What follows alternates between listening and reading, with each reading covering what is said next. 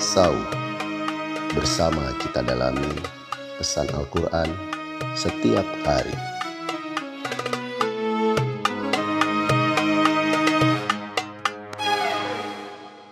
أعوذ بالله من الشيطان الرجيم تبارك اسم ربك ذي الجلال والإكرام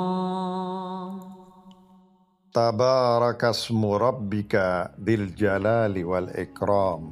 Maha suci nama Rabbmu yang memiliki keagungan dan kemuliaan. Ayat ini menjadi penutup dari keseluruhan surat Ar-Rahman untuk menunjukkan bahwa seluruh kenikmatan di surga maupun kenikmatan-kenikmatan yang diberikan oleh Allah Subhanahu wa taala, Rob kita yang mendidik kita, menjaga kita, memelihara kita, melindungi kita, itu adalah hasil dari beroperasinya nama Allah Subhanahu wa taala yang memiliki keagungan dan kemuliaan.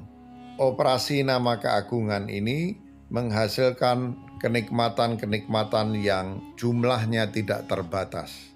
Sementara operasi nama kemuliaan menggambarkan tentang keindahan dari kenikmatan-kenikmatan surga itu. Jadi di surga ada kenikmatan-kenikmatan yang tidak terbatas baik dari segi kuantitas maupun dari segi kualitas.